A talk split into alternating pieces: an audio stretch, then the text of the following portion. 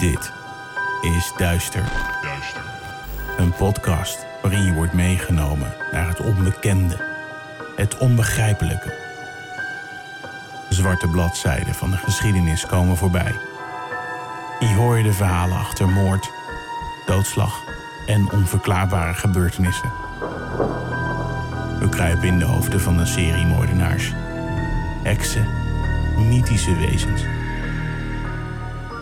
Luister en huiver naar duister.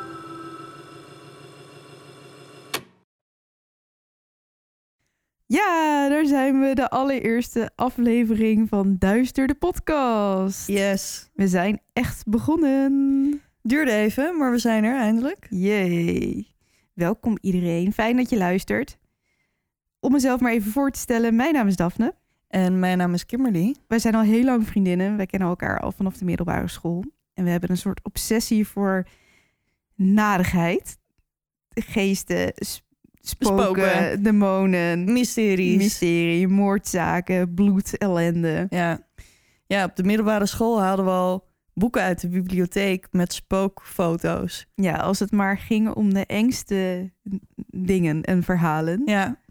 Alleen Daphne doet nu wel heel stoer, maar Ik ben echt een scheidluis. ja. En ik moet dus altijd kijken als we een Engelse film aan het kijken zijn. Dan moet ik altijd kijken en dan zit zij met een kussen voor haar hoofd. En normaal vind ik dat niet zo heel erg, want ik kan een hele hoop hebben. Maar we zijn de laatste tijd Until Dawn aan het spelen. Oh ja, En dat is dus echt vreselijk, want dat is als een, ik dat met is een zo'n computerspel. Ja, het is een nee, niet een computer- computerspel, eh, een PlayStation-spel.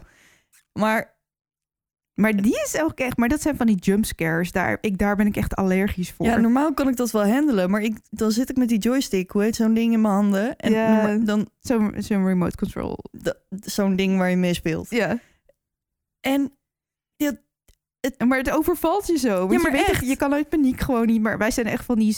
Je hebt toch de, de, de flight, fright, huppel de pup reactie? De, de flight or fright? Nee, flight or... Nee, fight, Fight or fight, fight or flight. flight of fright. Ja, dus, dus vluchten, vechten of bevriezen. Ja. Nou, ik zweer je, ik bevries. Als er als mij ooit iets overkomt, dan ben ik echt een ijspilaar. Want er komt helemaal niks meer uit en dat mij. is wel typisch, want je bent ook echt een ijskonijn. Dat klopt. Dankjewel. Super. hey, maar goed, leg eens even uit waar duister voor staat. Nou ja, goed, we wilden graag iets wat allesomvattend was. Dus we hebben heel erg ons best gedaan. En duister staat voor demonen. demonen. Uitermate interessante sterfgevallen, tragedies en andere rottigheid. Yes. Om het maar even beknopt op te noemen. Dus duister. De podcast. Yay. Yes. Oké, en wat gaan wij iedere aflevering doen? Geef eens even een korte uitleg, alsjeblieft. Nou, omdat je het zo lief vraagt. Ehm, iedere aflevering nemen wij jullie mee in een hele duistere wereld. Daphne vertelt jullie een paranormaal verhaal. En ik zal jullie iedere aflevering een verhaal over misdaad, mysteries, vermiste personen. Nou ja, zeg maar alle andere rottigheid vertellen. Ja, dus eigenlijk alles wat niet per se een demon, een geest of een, een, Een ander verschijnsel is, maar echt... Ja, aliens kan ook nog. Of aliens. Maar jouw kant is meer... Dat waar gebeurde, echt Ja, gedocumenteerde. Ja. Ja. precies. Daar waar echt bewijs van is, zeg Ja. maar. Oké. Maar wacht, zeg jij nou dat jij geen bewijs hebt van je spoken? Ehm, ja. nee, maar die is tot op de dag van vandaag. Ja, natuurlijk zijn er wel heel veel spokenjagers die zeggen dat ze bewijzen hebben. Maar de, de, de scepticus in mij die zegt dat het nog steeds niet keihard bewijs is voor het bestaan van geesten. Ligt Ik- maar, het ligt er maar aan hoe je het bekijkt, Daf. Ja, weet ik. Maar ik, en, en ik geloof ook zeker wel dat, er, dat er meer is. Ja.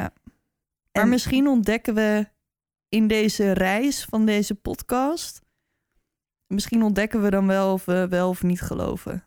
Oh, dat zou wel een mooi streven Misschien, zijn. ja, misschien moeten we dat ons doel maken om zoveel mogelijk bewijs te verzamelen Dat ze echt bestaan. dat ze echt bestaan. Ja.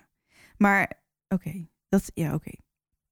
En misschien kunnen onze luisteraars daar ook wel bij helpen. Ja, als jij nou een, eh, een goed spookverhaal hebt. Of en iets, waar gebeurt? Of je hebt iets meegemaakt dat je graag met ons wil delen. Of je weet zeker dat ze wel bestaan. Laat het dan even weten op onze socials, want die hebben we namelijk.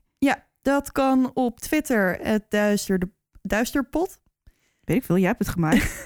ja, duisterpot. Op Instagram, duister de podcast.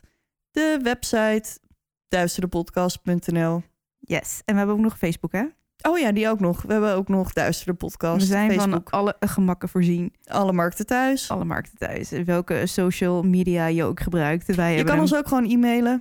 Oh ja, dat kan ook. We hebben een, wat, we hebben een invulvorm, formu- in, invulformulier. Lekker Scrabble woord dit. Ja, En dan kun je je verhaal eh, eh, of je, je vraag stellen. En dan of komt je het, verhaal vertellen. of je ha- verhaal vertellen, inderdaad. En dan komt het bij ons in de mailbox terecht. En dan eh, kunnen we die behandelen. Ja. Je verhaal. Dat klinkt meer alsof, alsof je een kwaal hebt. Kom hier bij ons je spookkwaal. eh, Stellen wij wel even een diagnose. Ja joh. Dood. Nou even serieus. Als je wat googelt, ben je altijd of zwaar of, of bijna dood. Dus op zich. Dat is waar. Dat is waar. Nee, nee, nee, nee, nee. Wij zijn geen Googles. Nee. We hebben wel een Google. Oh ja, wij, wij, ja, dat klopt. Wij hebben namelijk het spook. Hoor jij hem? Ik denk dat die eh, op dit moment eh, er niet is.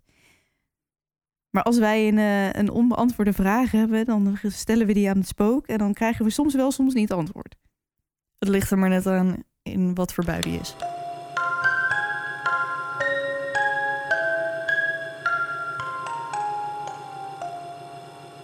Nou, zullen we dan maar eens een beetje gaan beginnen? Ja, ik ben, er ik ben zo benieuwd welk verhaal je hebt uitgekozen voor deze eerste. Om het spits af te bijten.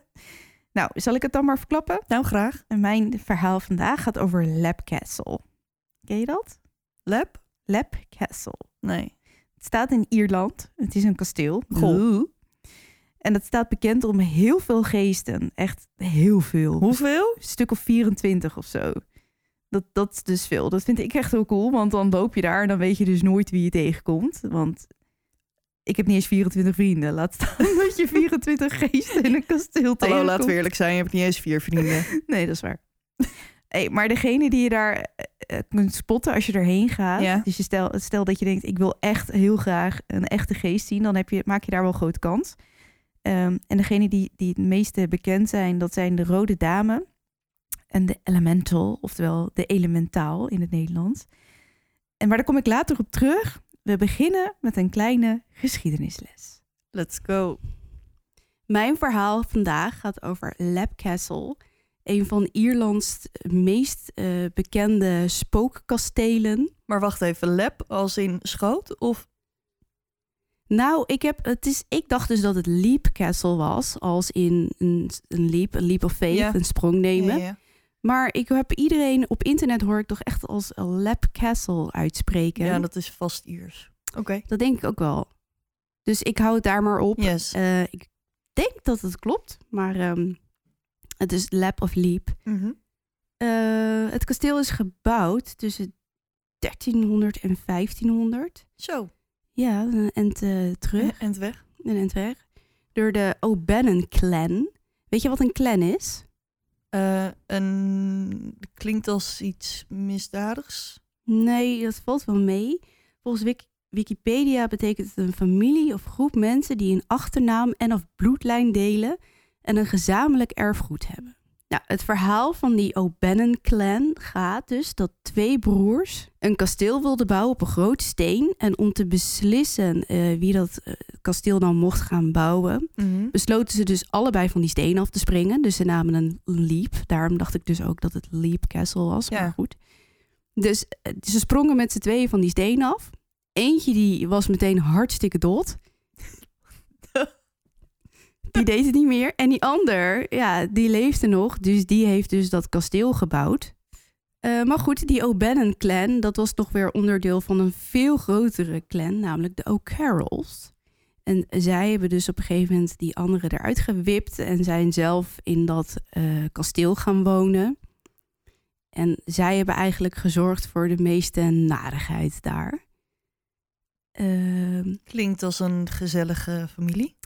Nee, het waren echt een stelletje tuig. Ze roofden de boel leeg. Eh, ze stalen jonge meisjes van hun ouders, eh pikten land af van de, van de boeren die daar woonden.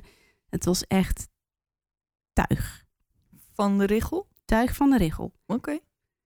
Maar goed, dat kasteel dat staat dus op eh, een stuk land waarvan men zegt dat het heel, heel, heel vroeger al werd gebruikt door de druïden voor eh, ceremonies en magische riten en dingen en weet ik veel wat allemaal. Dus dat stuk land is al behoorlijk eh, ja, negatief beïnvloed, zeg maar. Oké, dus daar, is, daar heerst al van alles. Ja, het was en dan al niet niet de griep, maar nee, ik denk dat dat nog wel het minste van de problemen zou zijn. de griep. ja, je weet het niet. Nee. Maar goed, het kasteel is al een paar keer bijna volledig vernietigd. De laatste keer was in 1922. Toen heeft de IRA, eh, dus de, de Ierse burgeroorlog, heeft eh, bijna een einde gemaakt aan het kasteel. Eh, in 1975 is het, nee 74 moet ik zeggen, is het gekocht door een Australiaanse historicus. Dat zei ik. Ik zei Australiaanse. Australiaan. Oh, het staat hier en ik zeg het gewoon nog verkeerd. Ik had ook eerlijk gezegd niet anders verwacht. Eh, op de een of andere manier is het erin geslopen dat wij Australiërs altijd Australianen noemen. Ja, Dus eh, mocht je het nog een keer horen en we hebben het zelf niet in de gaten, we bedoelen dus iemand uit Australië. maar goed, de Australiaan Peter Bartlett, die heeft het samen met zijn aannemer opgeknapt in 1974. Ehm, is daar niet blijven wonen. Het heeft daarna weer een tijd eh, leeg gestaan. En sinds, 91, sinds 1991 is het kasteel Maar in heeft hij er- privébezit. Heeft hij er wel een keer ooit gewoond of heeft hij het gewoon Hij, nee, hij is daar begonnen om eh, zijn eh, restauratiewerkzaamheden. Daar is hij mee begonnen. Mhm. om het kasteel op te knappen. Maar het was zoveel werk dat hij, het tot, hij heeft het gewoon niet, nooit niet, niet gered, zeg maar. Nee, hij is gewoon eh, gestorven. En eh, nou ja, in 1991 is het dus gekocht door Sean Ryan en zijn vrouw Anne. En zij zijn nog steeds bezig met het restaureren van eh, het kasteel. Oh, wauw. Dus het is bewoonbaar, maar grote delen zijn nog eh, behoorlijk in verval. Zo lekker tochten. Ja, is- er zit ook geen glas in en het regent naar binnen. En sommige gebouwen zijn compleet ingestort. Dus het is wel behoorlijk. Dan moet je wel echt vervallen. houden van wat je doet en waar je woont, wil je dat eh, volhouden. Ja, ja zeker. Maar er wordt te vaak aan deze man gevraagd eh, of hij eh, geesten ziet in het kasteel. Hij zegt van wel, maar ehm, hij komt niet echt over de brug met specifieke verhalen. Dus wat ik weet is, heb ik gevonden op, op internet. Dus ehm, ja, dat, eh, dat wil ik wel eh, met jou bespreken. Vertel, wat voor geesten kunnen wij daar verwachten? Kan je daar naartoe? Ja, je kan er naartoe. Eh, je kunt een privé rondleiding krijgen van de beste man. Dan stuur je hem een mailtje en dan kiest hij met jou een dag uit dat je er bent. En dan leidt hij je rond. Maar legt hij dan zijn agenda ook even naast die van de spoken, dat je wel zeker weet dat je een spook tegenkomt? Nou, ik weet niet of dat zo werkt. Hij heeft wel de neiging eh, om je alleen te laten. En dan vertelt, hij een heel spannend verhaal. En dan is hij ineens spoorloos. En dan sta je daar in je upje met je zaklampje. En succes Oeh, ermee. klinkt wel echt heel spannend. Ja, ik wil daar eigenlijk best wel graag een keertje naartoe. Ja, Dat lijkt me wel heel cool. Maar ook doodeng, want eh, hoe leuk ik eh, spoken ook vind, ik vind ze ook heel eng. ja ik, ik ben nog steeds in een soort van limbo. ik, ik weet het gewoon niet zo goed. Wat, of je ze eng vindt of niet? Ja, ja, het ligt eraan. Ik ben gewoon nog niet. Het ligt ook aan welk spookprogramma je kijkt. Als je Ghost Adventures met onze vriend Zack Baggins, dan denk ik, het zijn allemaal demonen. En dan kijk je Kindred Spirits en dan denk je, oh, het is een lieve oma. Dus ik weet gewoon niet zo goed. Ik weet het niet. Ik moet er nog eentje tegenkomen. En dan pas. Maar denk je dat ze bestaan echt? Ja, En waarom denk je dat dan? Omdat ik gewoon het idee heb dat er wel meer is tussen hier en het hier namaals. Hier en normaals. Tussen hier en, de, en het volgende. Maar goed, spoken. We kunnen er naartoe en dan, wie zien we dan? Hopen we. Ehm, nou, ik wilde eerst wat meer vertellen over dus het, eh, de geschiedenis van het kasteel. Ja. Het heeft namelijk een bijzonder eh, bloederige geschiedenis. En dan eh, vertel ik je daarna over wie je er eventueel zou kunnen tegenkomen in de gangen. Maar ehm, een van de allervreedste verhalen die over het kasteel gaan, gaat over de moord tussen twee broers in 1532. Eh, die vond plaats in de kapel. En die heeft daardoor de bijnaam de Bloody Chapel gekregen. En de legende vertelt dat het, het overlijden van de grote leider van de, van de clan, van de O'Carroll clan, Ja, die heette Mulrooney O'Carroll. wel vet. Mul, Mulrooney. Mulrooney. Mulroney. Hm. Die was eh, gestorven en eh, twee... Wat is er? Gestorven? Oké. Overleden. Ik weet niet of die bruut vermoord is of gewoon het loodje heeft was gelegd. gewoon Cassie Weilen. Ja? Ja, Kasjibalen. Maar eh, twee eh, overgebleven broers die vochten om het eh, leiderschap. En een van die broers was priester en die ander een gevreesd soldaat, zeg maar. Het verhaal gaat dus dat een, de broer die priester was, die was in de kapel de kerkmis al begonnen zonder dat zijn andere broer daarbij aanwezig was. En die heeft dat op zijn beurt als een grove belediging beschouwd dat zijn broer, de priester, al was begonnen met de mis zonder op hem gewacht te hebben. En dat was voor hem een reden om zo furieus te worden dat het helemaal zwart werd voor zijn ogen. En hij heeft zijn zwaard getrokken, is die kapel ingerend, heeft zijn broer van achter doorboord met zijn zwaard. En dat ging met zo'n brute kracht dat die man dus aan dat zwaard Gespiest. gespiest werd en aan het altaar is blijven steken. Oh. En die heeft gewoon het loodje gelegd ten overstaande van de hele familie en iedereen die daarbij in de kapel aanwezig was op dat moment. oh, wauw. Ja, dus die is daar eh, gestorven op een nogal bloederige, zeg ik het weer hè? Geef niet, ga verder. Sorry, op een nogal bloederige manier. Vandaar eh, de bijnaam de Bloody Chapel. Ja, er zal wel bloed gevloeid hebben, ja. Ja. Ehm, maar wat ik echt super interessant vind, is dat er in die kapel een, zich een oubliette bevindt. Een oubliette, ja? Een oubliette. Wie een, kent het niet? een oubliette. Zal ik je vertellen wat het is? Nou, graag, want ik heb geen idee. Oké. Nou, een oubliette is een... Ja, dat weet ik eigenlijk niet precies. Dan ben je vergeten. ja. Nee, ja, ik denk niet dat het per se een, Een iets is? een iets is. Maar in dit geval eh, is het een kleine kamer, een ruimte... die bevindt zich onder de vloer van de kapel, de Bloody Chapel. Een soort van kruipruimte. Ja, maar dan groter. Het was echt wel een soort van kerker.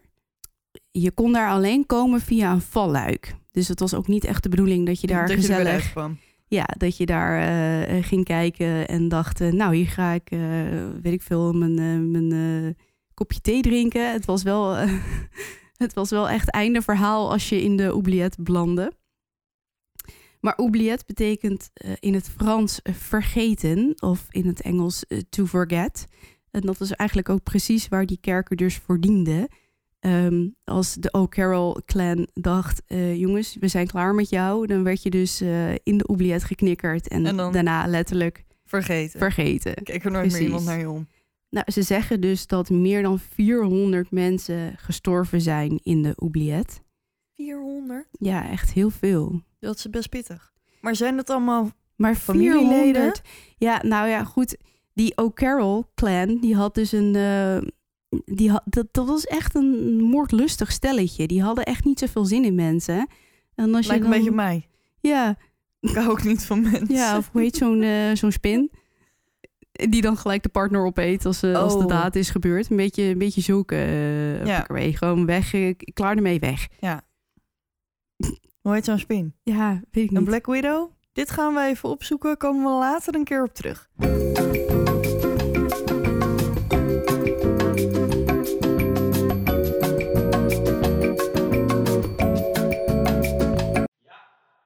Oh. Zwarte weduwe. Nou, Zwarte top. weduwe. Ja, Ja. dus toch. Bedankt. Dankjewel, Spook. Eh, maar goed, een van de, de allerergste verhalen die ik tegenkwam, die eh, heeft zich afgespeeld in 1529. Toen had die familie had dus een groep huurmoordenaars in dienst, tussen aanhalingstekens. Ja. En die groep die, eh, die plunderde zeg maar, het land rondom het kasteel. Dus boeren werden vermoord, het land werd afgepakt.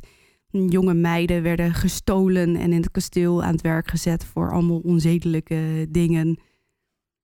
Eh, ja, het was gewoon. eh, het was echt een, eh, een bloeddorstig stelletje tuig. En de familie had dus nadat deze huurmoordenaars geld kwamen halen, of goud in dit geval, niet zoveel zin om, om ze te betalen. Want ja, het was een soort van halve maffia. Jij werkt voor mij, maar ik betaal je niet. Maar ze moesten toch van, eh, van die mannen afzien te komen. Want ja, wat, doe je, wat doet een, een groep boze huurmoordenaars als die zich tegen je keren? Moorden? Ja, dat denk ik wel. Dus wat hebben ze gedaan, die, eh, die ratten? Die hebben dus die groep mannen uitgenodigd op het kasteel. Een enorm feestmaal eh, verzorgd met, met, met dans en muziek en hoertjes Hadden en ze toen ook wijn. narren? Of is dat weer een ander In tijdperk? 1529? Ik denk het wel, Geen toch? idee. Entertainment. Ja, Troubadours? troubadours? Vast wel. Ik weet wel wat van de middeleeuwen, maar... Ja. Nou, in middeleeuwen, ja, nog nee, net niet meer, denk ik. Nee. Oké, ga verder. Maar die groep mannen die werd dus hoe dronkener, hoe dronkener. En die dachten, nou, een topfeestje is dit. Dan krijgen we straks ook nog geld. En dan, eh, Ja. ja. top. Dikke party. Ja, maar wat ze niet wisten is dat hun wijn vergiftigd was. en tegen het einde van de avond, ja, waren ze allemaal dood. En degenen die niet dood waren, die werden dus in de oubliette geknikkerd. En men zegt dat het pas na enkele dagen dat er geen geschreeuw gehoord meer werd. Oeh. En dat pas na een paar dagen iedereen dood was. Maar vergif is echt zo'n vrouwen... Ja, is wel, ja is, wel, is wel laag, ja, inderdaad. Het is, eh, ja, je, kan, je hebt toch een zwaard? Spies hem dan aan je zwaard of zo. Maar ja, ja, maar dan als je een hele natuurlijk grote- zelf ook. ja, als je een hele grote groep huurmoordenaars hebt... Ja, dan heb je wel veel zwaarder nodig. Dat denk ik ook. Ja, oké. Weg van de makkelijkste weerstand. Nee? Minste weerstand. Makkelijk. Sorry, de makkelijkste weerstand. Oké, de, minste, de minste weerstand. Oh ja, dat wilde ik nog vertellen. Dat, ehm, dat later, eh, toen, eh, niet, niet, niet recent, maar een paar eeuwen later, zeg maar, rond 1800, is de oubliette herontdekt. Want men was dus vergeten dat die kerker daar zat. Dat vind ik dan weer een soort van grappig eh, cirkeltje. Maar hij is dus opnieuw gevonden en opengemaakt. En toen kwamen er volgens eh, eh, mensen die daar toen gewerkt hebben, eh, drie karren vol aan skeletten naar buiten. Drie kar vol, hè? Drie paardenkarren vol. Wauw. Ik wil niet weten hoeveel mensen dat zijn Nee, geweest. ik ook niet. Maar kijk, een skelet is natuurlijk alleen maar een zakje botten. Ja, maar weet dus je als je die kun- botten... kunt vol, vullen met, met Ja. drie karren vol, Ja. dat is heftig. Dat zijn echt gewoon mensen. gelijk voor me. Echt zo Ja, ik die ook. beenderhopen. Zo opgestapeld in zo'n Ja. Ja. Maar goed, er wordt dus ehm, gesuggereerd dat door het, eh, het uitruimen van de oubliette, dat, dat het kasteel zo'n emotionele schokgolf aan, aan narigheid over zich heen heeft gekregen, dat er toen een andere duistere, magische geest is ontwaakt.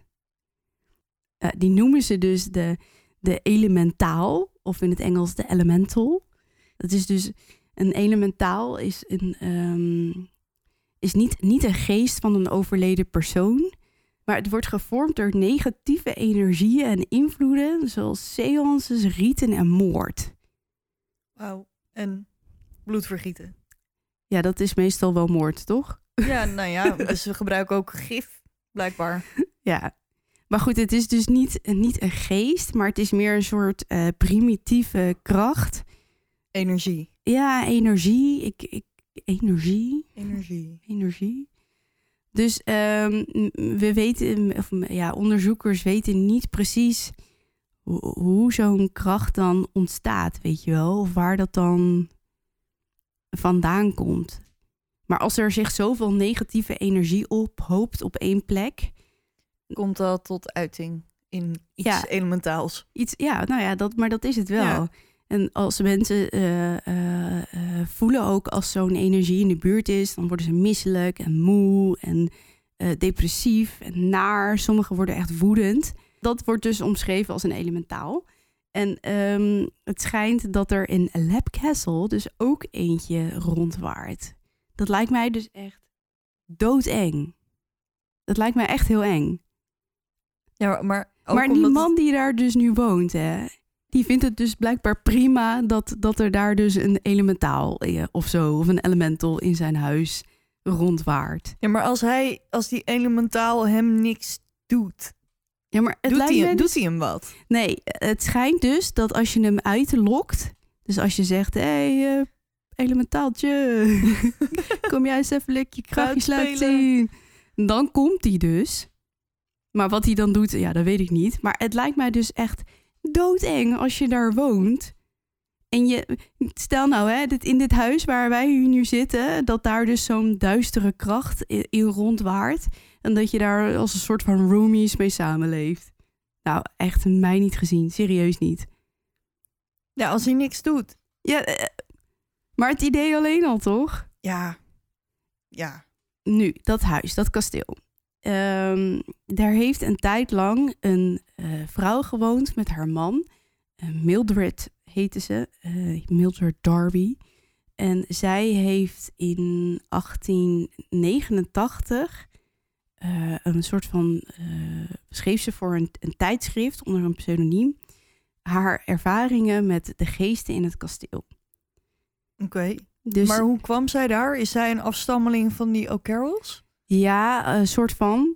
Zij eh, trouwde met een man waarvan zijn vader dan weer was getrouwd met een dochter van de O'Carrolls. Dus het zat wel een soort van half in de familie al. Oké. Dus zij is met haar man in dat kasteel getrokken. Nou, kwam er toen achter dat er allemaal eh, geesten rond waren. En on- onder andere de elementaal. Die zij dus eh, het, het ding noemde, of it. Ja, Dus the thing, of it. thingy. En daar, zij heeft haar ervaringen dus opgeschreven. En eh, mede door haar verhalen weten we dus best wel veel over, Over de spoken die over daar kasteel. rond Ja, waren. precies. Dus een van, wat, een van haar verhalen, of een van de dingen die zij heeft opgeschreven. Ik ga het voorlezen, oké? Ja. Ik vind het echt, ik vind het echt super eng. Zij schreef dus. Ik stond op de balustrade en keek naar beneden naar de grote hal toen ik opeens een hand voelde op mijn schouder. Toen ik me omdraaide, zag ik het. Het ding, zoals zij noemde het Ja. dus, was ongeveer zo groot als een schaap, schaduwachtig en uitgemergeld. Zijn gezicht was menselijk. Nee, om precies te zijn, onmenselijk. Ik zag lust in zijn ogen die half rottend met diepe zwarte holtes in de mijne staarden. De vreselijke geur die honderd keer intenser werd, kwam in mijn gezicht en gaf me een dodelijke misselijkheid. Het was de geur van een ontbindend lijk. Gadver. Ja, naar toch? Eeuw. Maar weet je wat ik niet, wat ik niet snap? Zij staat op die balustrade, voelt een hand op haar schouder, draait zich om en ziet iets in de, in de, in de grootte van een schaap. Je... Wel naar beneden kijken. Ja, dus hoe kan zij, hoe, hoe had ze dat gedacht dan? Dan Hoe, Maar, of zij was gewoon heel klein, dat kan ook. maar ze kan toch naar beneden kijken? Ja, maar ze voelde een hand op haar schouder Oh, en het is zo groot als een schaap. en toen draaide ze zich om Ja, en toen bleek het zo groot als een schaap te zijn. maar misschien heeft het uitschuifbare armen. je weet het niet. Een soort van Inspector Gadget Eh. superschaap. Nee, maar even. Maar, Ja. ik, maar als zij dit echt heeft meegemaakt. Zij heeft echt die hand gevoeld, zich omgedraaid en heeft dus in het gezicht gestaard van een of ander. Onmenselijk, menselijk. Nou, ik denk dat ik gewoon van schrik over die, Over die balles, die balustrade was getiefd. Ja. Nou, doodeng. Ehm, ik, heb, ik heb nog een, eh, een stukje.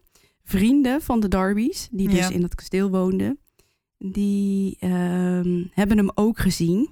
En zij schreven dit. Maar hadden zij gewoon een gastenboek of zo? Laat hier je spookverhaal achter.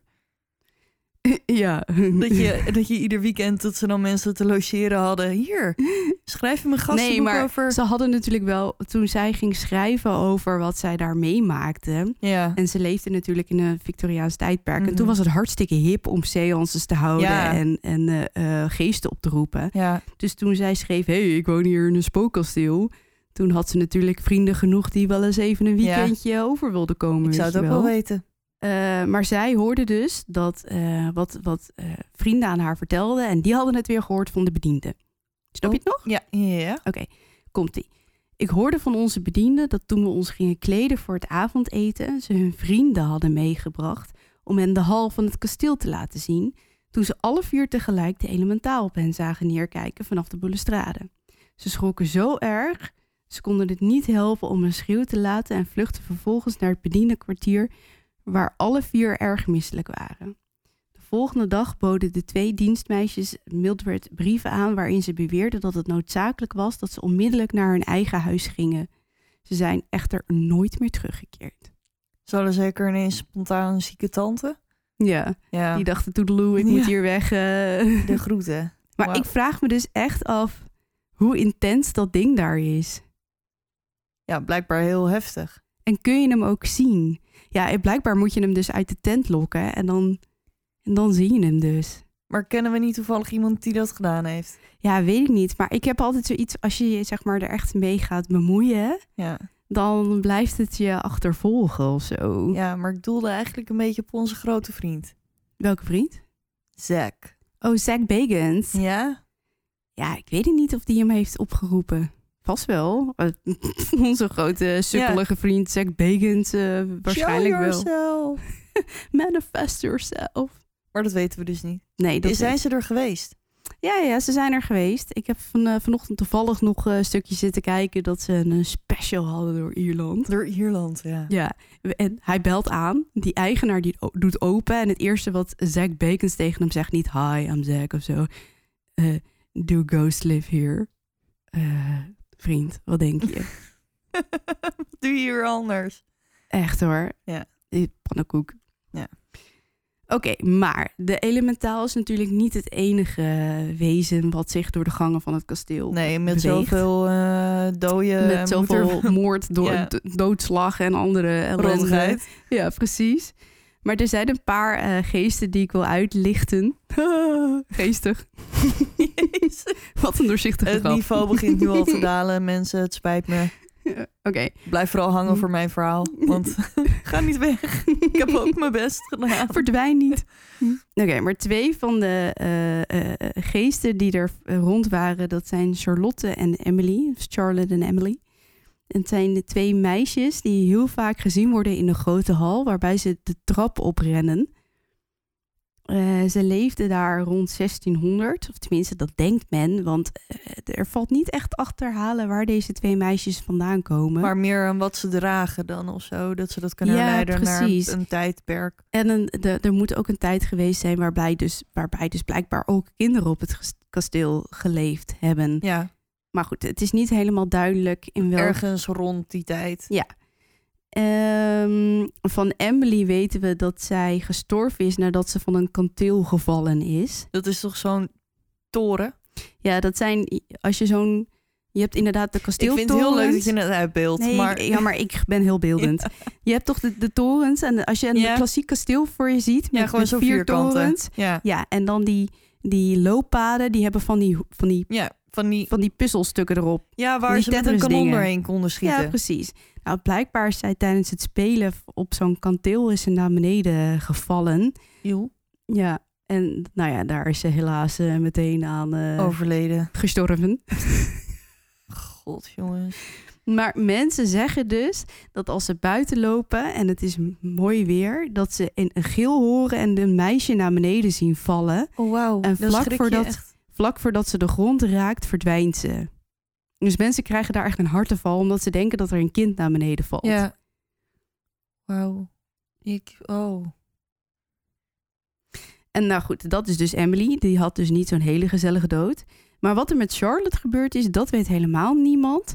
Maar zij wordt wel gezien in de grote hal dat ze eh, moeilijk loopt met een vervormd beent dat ze achter zich aan sleept. Dus wat er met haar gebeurd is, nobody knows. Vastgezeten in een wildval. ja, weet ik niet. Misschien waren ze op... Hebben ze vossen klemmen? Vossen klemmen. Ja, weet ik veel. Je, die dingen die stropers gebruiken. Ja, dat zou kunnen. Ja, maar, ja, maar goed, Of voor hetzelfde geld is van de trap gevallen, ge- weet je wel. Ja, door twee gebroken. Maar wat er met haar gebeurd is, dat, dat weet dus niemand. Maar Mildred, mijn grote vriendin, die dus die verhalen schreef Mhm. waar we het net over hadden, die heeft ook een ontmoeting gehad met waarschijnlijk een van de meisjes, maar ze weet het niet zeker. En ehm, wat zij zei eh, gaat als volgt. Een andere nacht sliep ik met mijn kleine meisje. Ze had dus blijkbaar een dochter. Ik werd wakker en zag een meisje met lang blond haar bij de open haard staan. Eén hand langs haar zijde en de andere op de schoorsteen. Eerst denkend dat het mijn kleine meisje was, voelde ik op het kussen om te zien of ze weg was. Maar ze lag daar te slapen. Toen ik weer opkeek, was het meisje bij de haard verdwenen. Dus die stond gewoon een beetje te koekeloeren. Ja. Oh, maar daar zou ik denk ik niet zo heel erg van schrikken. Nee, dat denk ik ook niet. Maar Zack Bacon zegt altijd dat duivels en demonen zich manifesteren in kleine meisjes. hè? Maar laten we eerlijk zijn. Hij zegt dat alles zich voordoet als een demon. Ja, dat is wel een beetje zo. Ik bedoel, ik heb hem nog nooit ergens zonder demonen gezien. Nee, bij hem is altijd alles wel heel erg kwaadaardig, hè? Ja, het zal nooit eens een keer, want hij, ook al is het een heel lief meisje, het is altijd ja, maar misschien Ja, is het wel Satan die zich voordoet als ja, een klein precies. meisje. En dan hoort hij weer drie je klopjes en zo. De hele heilige eenheid. En, Ja. eh, dan wordt het hij weer naar zwavel. gekrapt met drie, eh, dan heeft hij weer Ja, drie de Holy Trinity, weet ik Ja. veel wat. Ja, precies. Nee, maar goed, als ik een klein meisje... Ik zou denk ik wel schrikken, maar niet zo heftig als er ineens een schaap... Met een, Met een rottend onmenselijk hoofd. menselijk gezicht. Ja. Ja, die dan zo over je bed staat geleund. Hoi. Ja. Hoi. Nou, een andere is de vermoorde vrouw. En toen dacht ik, wat voor titel is dit nou? Ja, want dit zal niet de enige vermoorde vrouw daar zijn geweest. Nee, maar dan sta je dus bekend na je dood als de vermoorde vrouw. Maar goed. Eh, maar zij wordt gezien eh, dwalend door, door, door de gangen. Door, door, door, door de gangen. En eh, zij woonde schijnbaar, dat is een beetje twijfelachtig, rond het jaar 1500 in, in het kasteel. En is waarschijnlijk vermoord door een van de leiders van de O'Carroll clan. Hoe kan het ook anders? Maar waarom? Ja, dat weten we niet precies. Maar ze wordt half naakt in de gang gezien, eh, zich vastgrijpend aan de muur. En dan, eh, voordat ze verdwijnt, schreeuwt ze twee keer. En dan het echt heel zo'n ijzige geel. En dan pats is ze weg. Alsof ze wegrent van een attack. Ja, maar ze is zo al verdwaasd dat ze blijkbaar wel al aan het sterven is. Maar stel je loopt daar en je ziet dat op je afkomen. Zo'n halfnaakte vrouw die twee keer gilt of krijst en dan weg is. Ja, en dan ben je 1 en 2 al aan het bellen en dan is in één keer voetzie. ja. Tenminste, ik hoop dat ik in zo'n situatie gelijk... Maar ik vraag me wel af hoe ze dan. Er zijn inderdaad zoveel moorden gepleegd daar. Ja, Hoe weet je wie, wat, waar, wanneer is? Geen idee. Ik denk niet dat het keurig netjes is opgeschreven niet, wie nee. wanneer vermoord is. Nou, dan, deze vind ik wel heel interessant en ook wel heel zielig. Dat is de Rode Dame. In plaats van de White Lady, die werkelijk waar ieder spookhuis Ja. heeft. Serieus, vragen ieder willekeurig spookhuis: hebben jullie een spook? En dan zeggen ze ja hoor, dame in het wit. Ja. Vind ik toch wel knap. Maar dit is de rode dame. Ehm, en die kun je dus blijkbaar best wel snel zien als je daar bent. Nu heb ik echt nog nooit de spook gezien, dus ik vraag me af of ik haar wel zou zien. Ja. Maar eh, er zijn dus al eeuwenlang documentaties van haar. Dus ook echt niet alleen de Darby's die daar hebben Mhm. gewoond, maar ook andere mensen, gezinnen hebben haar blijkbaar gezien. En iedereen zegt eigenlijk een beetje hetzelfde, namelijk dat, er, dat ze een vrouw zien in een rode lange jurk. Ze is lang en mager en ze heeft lange bruine lokken die zeg maar meebewegen met haar bewegingen als ze loopt. En dat is iets wat iedereen heel specifiek noemt. Dus dat haar haar zo... Zoals Pam je haar danst. Ja, precies. En ze wordt altijd gezien met een dolk in haar handen, die ze dan opgeheven heeft op een hele dreigende manier. Zo van, ik ga jou Ga je- vermoorden. En nou, het verhaal gaat dus dat zij gevangen werd genomen door een van de O'Carroll clan leden. Wie anders? Yep. Dat ze werd verkracht en vervolgens zwanger raakte. En ehm, nou, zij zaten natuurlijk niet echt op de kind te wachten. Dus zij is gevangen gehouden totdat ze ging bevallen. En toen de baby eenmaal geboren was, is het meteen gedood door de leider van, van de clan. Want die dacht. Breng Ja. hem gewoon, eh, weet ik veel. Ja, maar het het was, niet. het was een stelletje eh, moordlustig tuig. Hè? ja, Dus dat blijkt wel. En als jij vervolgens een vrouw verkracht, ja, dan is niet echt een liefdesbaby of zo. Dus dat kind is meteen vermoord na de, nadat het geboren is. En zij was daardoor zo overmand door een intens verdriet... dat ze dat mes uit die man zijn handen heeft getrokken... en vervolgens een einde heeft gemaakt aan haar eigen leven. Nou ja, je kan het er niet echt kwalijk nemen, denk ik. Nee. Maar, nu wordt het interessant. Oeh, er schijnt ook een ander verhaal te zijn. En dat is iets korter. Namelijk dat twee familieleden om haar vochten. weer die Eh, twee broers. Nou, weet ik niet. Het, zal Gewoon, ja. het is allemaal het is één pot nat, zeg maar. en toen ze probeerde te vluchten, want zij vochten om haar. En nou ja, toen werd het een beetje benard. Toen dacht ze, joejoe, ik ga er vandoor. Later. Ja, toen hebben ze haar achtervolgd en doodgestoken. Want ze dacht, ja, als ze er allebei niet kunnen krijgen, dan, Dan moet ze maar dood. Oké. Dus ja. Dus dat is het, het andere verhaal. Maar als ik het zo lees over haar en wat ik allemaal tegenkwam over, aan informatie over haar, lijkt het me meer verhaal 1 dan verhaal 2. Ja. Ze wordt namelijk ook gezien in de blauwe kamer. En eh, die kamer was, werd altijd gebruikt als kinderkamer. En eh, mensen zien haar in een dieprode jurk, eh, knielend, waar, bij, in een hoek waar vroeger de bedjes stonden. En dan knielt ze daar en dan zit ze daar te, snikken. Alsof ze bij een van de bedjes zit te snikken. Alsof ze bij haar eigen kindje of om Ja. haar eigen kindje rouwt. Ja. Heftig, man. Maar nu, eh, nu komen we weer bij mijn grote vriendin, Mildred. Mildred. Ja, die had dus eh, vrienden te logeren. Alweer. Eh, Populair, man, die Millie. Ja, Millie. Millie, eh, die, had, Millie had eh, vrienden. die had vrienden. En nu eh, is er één eh, vriend, die, of één, weet ik veel, eh, gast, die zei dat hij... Gast? Ja, gast. Een gast. Eén bezoeker. Nee, dat klinkt ook een beetje afstandelijk. Een logier. Een logier. Ja? Die heeft dus een ontmoeting gehad met de Rode Dame, zegt hij zelf. Ja. En die heeft dat opgeschreven en hij vertelt dus dit. Op 31 oktober ging ik rond 11 uur naar mijn slaapkamer. S'nachts was de tijd kwart voor ene, zoals ik op mijn horloge zag. Ineens voelde ik dat, er, dat ik door iemand in mijn kamer werd gewekt. Het was pikdonker en in het begin zag ik niets. Ik was klaar wakker met een buitengewoon koud gevoel in mijn hart dat snel in intensiteit toenam. Bijna onmiddellijk voelde ik, ik kon niet veel zien, dat er een lange figuur in het midden van de kamer stond. Mijn eerste indruk was dat het Darby er zelf was, omdat er geen ander lid van het huishouden zou overeenkomen met de lengte. Wat is er? vroeg ik. Er was geen antwoord, maar nu zag ik in het begin en vaag en met toenemende duidelijkheid dat de lange gestalte van hoofd tot voet in het rood gekleed was en met zijn rechterhand dreigend in de lucht een dolk vasthield. Terwijl de gestalte op mij afkwam, nam het licht toe en ik kon duidelijk zien dat de vorm die was van een zeer lange vrouw die een soort wapen, een mes of een dolk in haar hand had. Wat is er? vroeg ik opnieuw en voegde eraan toe. Wie is het? Mijn hart klopte zo snel dat ik duizelig werd en paniekerig stak ik een kaars aan. Terwijl de vlam Hoe doet hij dat? Die man die heeft toch trillende handen en zo. En... Ja, maar die heeft dus met zijn bibberhandjes lucifertje geprobeerd een lucifertje af te steken. Nou goed, hij heeft dus die kaars aangestoken en hij keek om zich heen. En jouwer, wie was er vertrokken? De vr- rode vrouw. De, ja, vrouw de rode rood. dame, die was dus long gone.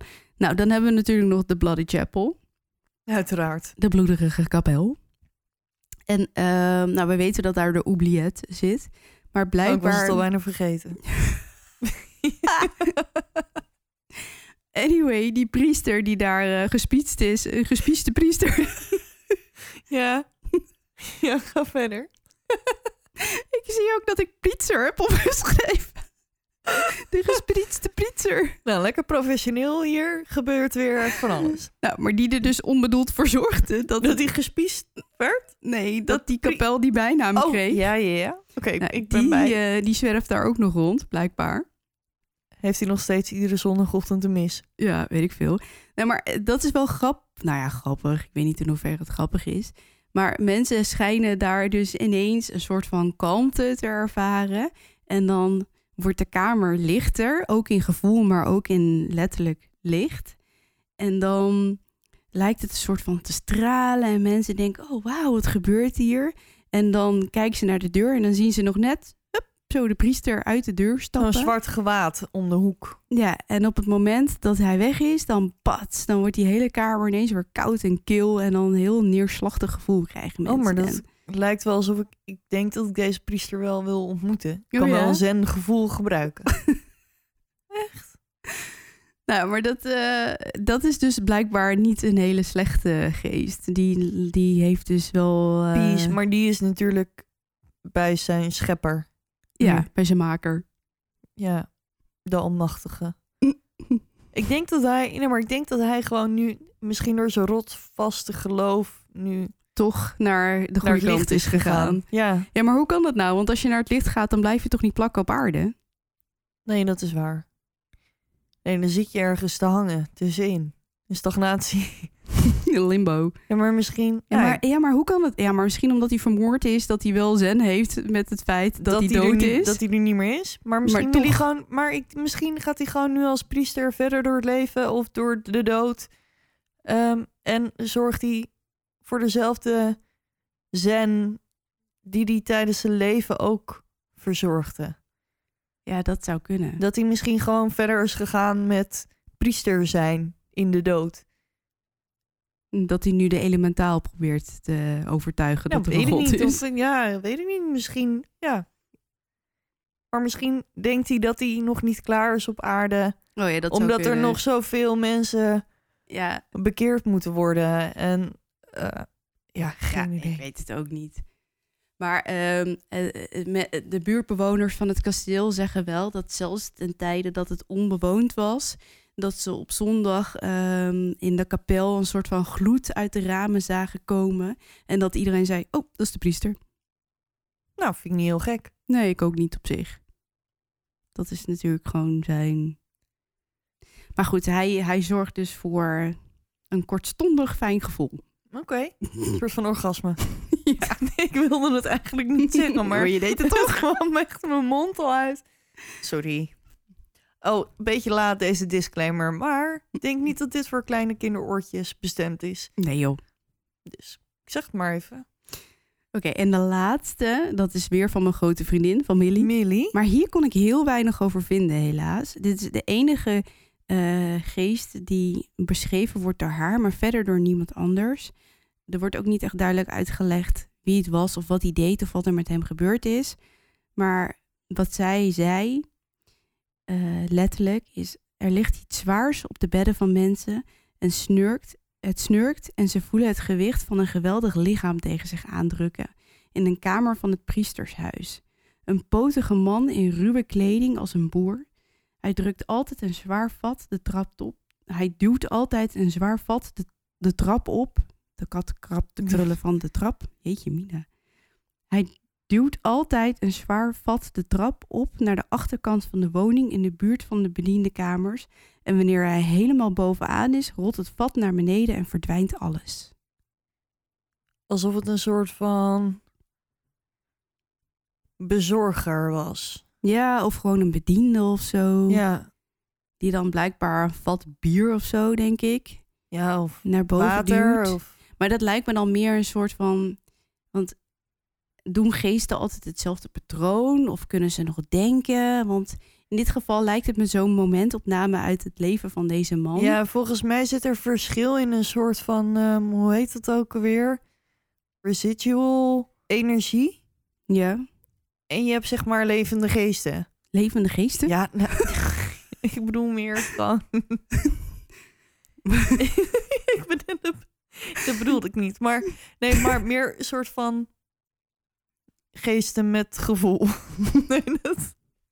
Nou, je snapt toch wel, volgens mij heb je... Ja, soms, soms zijn ze zo vervaagd of ik heb, ik heb altijd, ja, nee, maar dat slaat ook weer niet helemaal ergens op. Soms denk ik wel dat hoe langer iemand dood is, hoe meer diegene vervaagt. Maar dat is ook niet helemaal Nee, waar. maar volgens mij is het iets, bijvoorbeeld zo iemand die die trap de hele tijd oploopt met dat vat, dat het een soort van ingesleten zit in die trap. Ja, oh, het is niet Dus- per se de geest van die persoon. Nee, maar meer gewoon de energie van De trap. dat ritueel. ja, zeg maar. precies. En dan ja, heb je ook nog gewoon spoken die ehm, spoken. Zonder dat Leef- het... levende spoken. Nou, nou, dat, eh, dat was het. Dat zijn de, de spoken die ik het meest interessant vond.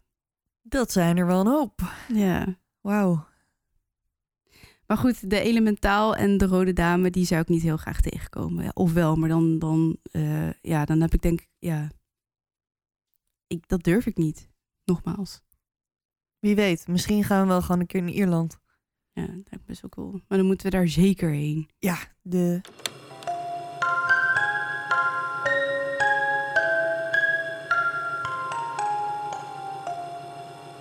Nou, dan gaan we van de spoken over naar de mysteries. Jee, wat krijgen we vandaag? Nou, ik dacht, omdat het de eerste is, begin ik maar met een mysterie. En niet zomaar een mysterie, maar een Noors mysterie. Noors mysterie. Ja, want je weet hoe goed mijn Noors is.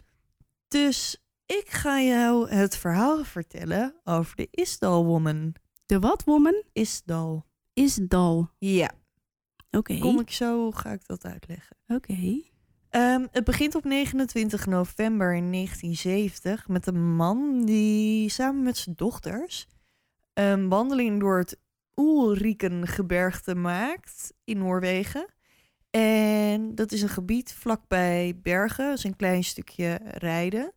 Ehm, en ze lopen daar door de Isdalen. En Isdalen of Isdalen, geen idee, is Noors, ehm, betekent ijsvallei.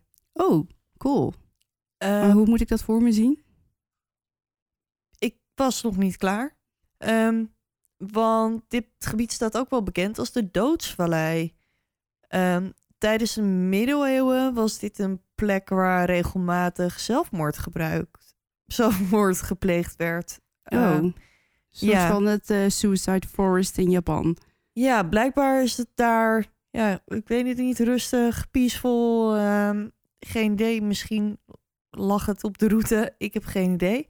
Eh, en in de jaren zestig zijn er heel veel hikers hun dood tegemoet gevallen. Gevallen echt. Gevallen. Gewoon die, van de die berg waren af. gewoon in de bergen aan het wandelen en die zijn uitgegleden, geslipt, naar beneden, Maar- gevallen, hun dood tegemoet. Oké. Naar? Ja. Ehm, dus deze man samen met zijn dochters was daar lekker aan het hiken. Die was daar gezellig aan de wandel en die dacht, eh, dat kan wel. Ja, want het is blijkbaar gewoon een heel mooi gebied om in te wandelen. Maar je moet dus wel een beetje uitkijken waar je loopt. En dat deden deze mensen ook, want met deze mensen gebeurde helemaal niks. Ehm, een van zijn dochters rook op een gegeven moment iets geks. Die dacht, "Ugh, het ruikt hier een beetje naar rook. Verbrand. En nou ja, ze waren echt een beetje van de paden afgedwaald. en Oh, het was gewoon een beetje een gekke plek. En er waren Ja, geen bosbranden ja. of echt geen reden om Rook brand, te ruiken. Ja, brand te ruiken. Dus ze gaan op onderzoek uit en vervolgens ontdekken ze iets wat ze nooit meer zullen vergeten. Op een hoopje rotsfragmenten, dus daar lagen gewoon allemaal afgebroken stukken rots, vinden ze het verbrande lijk van een vrouw. Niet. Ja. Hoe kan die daar nu verbrand? Nou, daar kom ik later even op terug. Oké. Ehm, maar ze vinden dus die vrouw en die vrouw heeft, ligt een beetje in een rare positie. Ze ligt in een soort van boksershouding, dus met haar handen opgeheven voor haar borst. Oké. Ehm, en volgens forensicoutrreach.com komt forensicoutrreach.com, de website. ja. Heb ik even opgezocht hoe dat dan komt dat ze in die houding liggen. Want ik heb het wel vaker gehoord over brandslachtoffers. Maar wat gebeurt er blijkbaar als je in de brand staat? Je spieren krimpen, Mhm. waardoor je gewrichten buigen. Oh, jezus. Dus dat alles verkrampt een beetje. Oh, dus ja, je is trekt eigenlijk- automatisch je handen naar je borst. Dus alsof je een soort van bokser in een verdedigingshouding Ja, ja, bent. Ik heb hier overigens foto's van, dus die komen wel op de website. Ehm, het is niet, ja, het is niet leuk om te zien, maar het is ook niet heel gruwelijk. Als in hele erge verminking. Maar in ieder geval, als je het wil zien, kun je het daar kijken. Dus nou ja, ze lag daar in die positie. En ehm, ja, wat doe je daar? Het was, wat zei ik net dat het was? 1970, geen mobieltjes, helemaal niks. Dus die familie die schrikt zich de pleuris. En die rent zo snel mogelijk terug naar waar ze vandaan gekomen zijn. Om de politie eh, te waarschuwen. En nou ja, de politie reageert gewoon heel snel. Want ja, je vindt niet iedere dag een verbrand lijk ergens in de bosjes. Nee. Eh, en ze beginnen een eh, grootschalig onderzoek. En dan komt Carl Halvor Aas. ja, ik noem hem vanaf nu gewoon Aas, denk ik. Dat is wel, wel zo makkelijk. Ehm, een politieadvocaat, die kwam ehm, als een van de eerste op het plaatsdelict. Een politieadvocaat? Ja, ik, misschien heb ik het verkeerd vertaald. Maar misschien is het een soort van openbaar aanklager die... ehm, Maar he, die komen meestal toch niet echt op de crime scene? Of ja, wel? ik weet het niet, maar deze Maar misschien meneer... was het toen anders. Dat kan, ik weet het niet. Deze meneer was in ieder geval als een van de eerste ter Ja. En hij beschrijft de plek van de brand als een ongewone plek om te wandelen. Een afgelegen plek.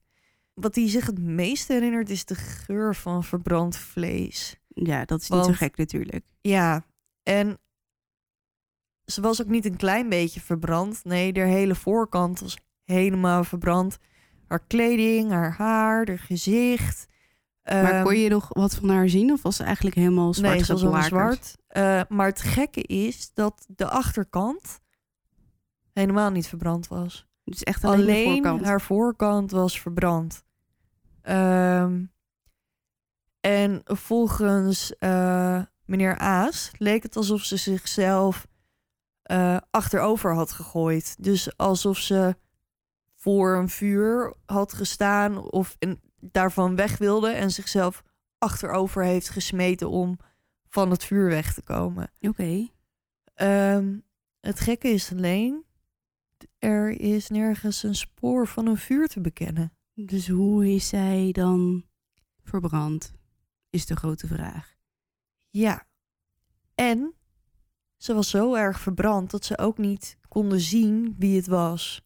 Ik bedoel, er was aan de voorkant vrij weinig van erover. Of in ieder geval alles was zwart en verbrand. Geblakerd. Ja. Dus het gekke is, het lijkt alsof ze aan de voorkant, alsof ze voorover in een kampvuur gevallen is. Zichzelf achterover heeft gegooid. Van die berg Van die berg- is. Ja, maar vervolgens- nergens is spoor van vuur te bekennen. Alleen op haar.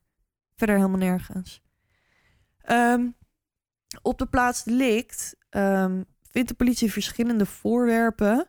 En daar denken ze van dat het van het slachtoffer is.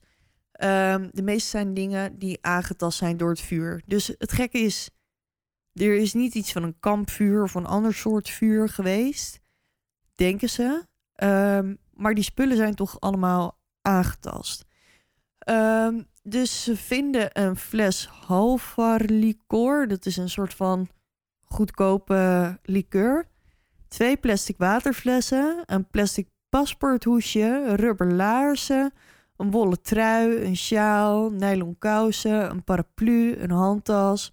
Een doosje lucifers. Een horloge. Twee oorbellen en een ring. En rond het lichaam eh, vindt de politie stukken verbrand papier en daaronder een bondmuts. En op deze bondmuts vonden ze later sporen van benzine. Huh? En het gekke is dat van alle spullen die er gevonden zijn, dus kleding, eh, die flessen, Die papieren. die papieren, maar vooral van zeg maar de spullen, ehm, zijn alle labels afgekrapt of uitgeknipt. Dus van de waterflessen zit geen label meer op. Alle labels uit de kleding die is gevonden is eruit eh, geknipt. Dus alles waaraan ze eventueel geïdentificeerd had kunnen worden, Dat is allemaal weg. is allemaal weg.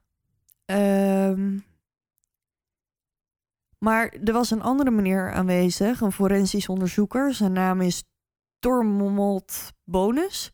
Er staat die heet- Bones, maar ik denk dat hij, dat hij niet Bones heet, maar iets op de Noorse manier. Ehm, maar het gekke is dat al die spullen lagen heel netjes uitgestald. Alsof het een soort van ceremonie was geweest. Dus het was niet alsof ze in paniek alles uit haar tas heeft gegrist omdat ze in de fik stond en op zoek was naar een flesje water. Of alles was heel netjes uitgestald. En nou ja, volgens Stormont was het net alsof er een ceremonie had plaatsgevonden of zo. Ehm, Maar kan het zijn dat ze daar is neergelegd? Dat ze gewoon Nee, veel, waarschijnlijk achterin een niet. auto is geschoven, daarheen is gereden en daar neergelegd is? Nee, ehm, want, nou ja, dat kan ik trouwens niet helemaal zeker, maar ik heb er niks over gevonden. Dus ik ga ervan uit dat ze gewoon op die plek ook echt gestorven is. Ja, zie je, jij zegt het ook. Ja, dat, ik heb het van jou overgenomen. Ehm, dus nou ja, ze ronden daar op, eh, op die berg hun onderzoek af. En het lichaam wordt overgebracht naar het Gades Instituut voor een autopsie. Ehm, en tijdens de autopsie blijkt dat ze nog in leven was terwijl ze brandde. Eh, want ze vinden ja, roet in haar longen, of in ieder geval rookdeeltjes. Mhm. Ehm, nou ja, wat er dus op wijst dat ze tijdens de brand gewoon nog kon ademen. Ademen en dus Ehm, de eigen rook heeft ingeademd. En ehm, ze vinden ook blauwe plekken rond haar nek. En dat doet vermoeden dat ze of een val heeft gemaakt of een klap heeft gekregen. Ehm, dus het kan inderdaad gebeurd zijn op het moment wat eh, mijn vriend A zei, dat ze zich achterover heeft gegooid, dat ze met haar nek ergens op is. Maar ze kan dus ook gewoon met een honkbalknuppel geslagen zijn Ja, precies. niet te herleiden. Ehm, verder vinden ze dat ze nog nooit een kind heeft gebaard. Eh, ze was verder ook niet ziek. Ze is ook nooit zwanger geweest. Eh, ze onderzoeken wel Maar haar... is dat van belang dan tijdens zo'n onderzoek? Ja, Want dan kun je hem beter identificeren of zo. nou ja, ook. Het is natuurlijk wel makkelijker als je weet of iemand een kind heeft achtergelaten, eventueel. Want als je een lijst met vermiste vrouwen hebt en tien daarvan hebben wel een kind gebaard en die elfde niet, dan zou, weet je, dan Ja, heb je die andere tien al geëlimineerd. Ja, precies. Ehm, plus dat de kans dat iemand gemist wordt als ze een gezin hebben, Is wel groot. is wel groter dan. Kijk, en natuurlijk is het nooit helemaal zeker of ze dan ook nog contact hebben met dat kind. Nee, maar nee, nee. als je ervan uitgaat dat zo iemand dus in ieder geval een kind heeft, eh, is het makkelijk. Ja, weet je, die mensen worden sneller gemist dan alleenstaande. Ja, precies. Zonder een grote sociale kring. Laten we het daarop houden. Ze doen ook eh, onderzoek naar bloed en naar maaginhoud. En uit het onderzoek blijkt dat ze voor haar dood 50 tot 70 slaappillen geslikt heeft. Wow, dat is echt heel veel. Ja. Waar ehm, laat je die, joh? nou ja, die, misschien heeft ze die met... Want ik kan dus nergens vinden of ze alcohol in haar bloed had. Want het zou kunnen dat ze die met die halve fles of uh, een liqueur dingen ze heeft ingenomen. Of met die lege plastic flesjes. Ik weet het niet. Ehm, alleen vraag ik me af in hoeverre ze er wat van gevoel, gevoeld heeft. Als dat er bedoeling is geweest ehm, om die te slikken, om zelfmoord te plegen. Want ze waren ook nog allemaal niet in haar bloed opgenomen. Dus, Dus ze zweefde eigenlijk nog een beetje in, in haar maag. En ik weet ook niet ehm, ja, hoeveel er van in je bloed moet zitten, wil je eraan bezwijken. nee, Ehm, ik denk wel veel. Slaappillen? Ja. Ik weet het niet, man. ja, het was ven venemalpillen. Ehm en naast haar lichaam vonden ze nog twaalf van dezelfde pillen. Dus ze heeft ook niet alles geslikt wat ze had als nee, ze dat zelf waarschijnlijk geslikt is heeft. niet eens zo ver nee. gekomen. Ehm, nee. En wat er verder eh, opvalt aan de vrouw is dat ze een uniek gebit heeft. Eh, Veertien van haar tanden zijn gevuld en ze heeft verschillende gouden kronen. Ehm, en dit doen ze in Noorwegen eigenlijk niet. Het is heel bijzonder, helemaal in die tijd. Eh, want in Noorwegen werden die technieken eigenlijk helemaal niet gebruikt. Dus dat wees al vrij snel op het feit dat ze misschien niet uit Noorwegen kwam.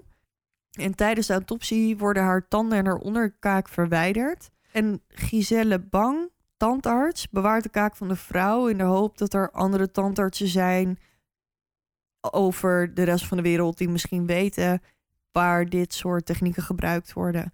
Dus die heeft die hele kaak van die vrouw verwijderd. Ja, Gezellig. Ja, nou ja, daar was natuurlijk toch al niet veel meer van over. nee. En in die tijd hadden we natuurlijk helemaal geen DNA-onderzoek en dat soort dingen Niet? om te bepalen. Nee. Wanneer nee, is dat? nog niet. Wanneer had ja, je de volgens eerste... mij meer eind jaren tachtig of zo. Eentje had Dat weet ik niet uit mijn hoofd. Maar in ieder geval niet in 1970. Dus die forensisch arts of tandarts, die heeft dus dat allemaal bewaard.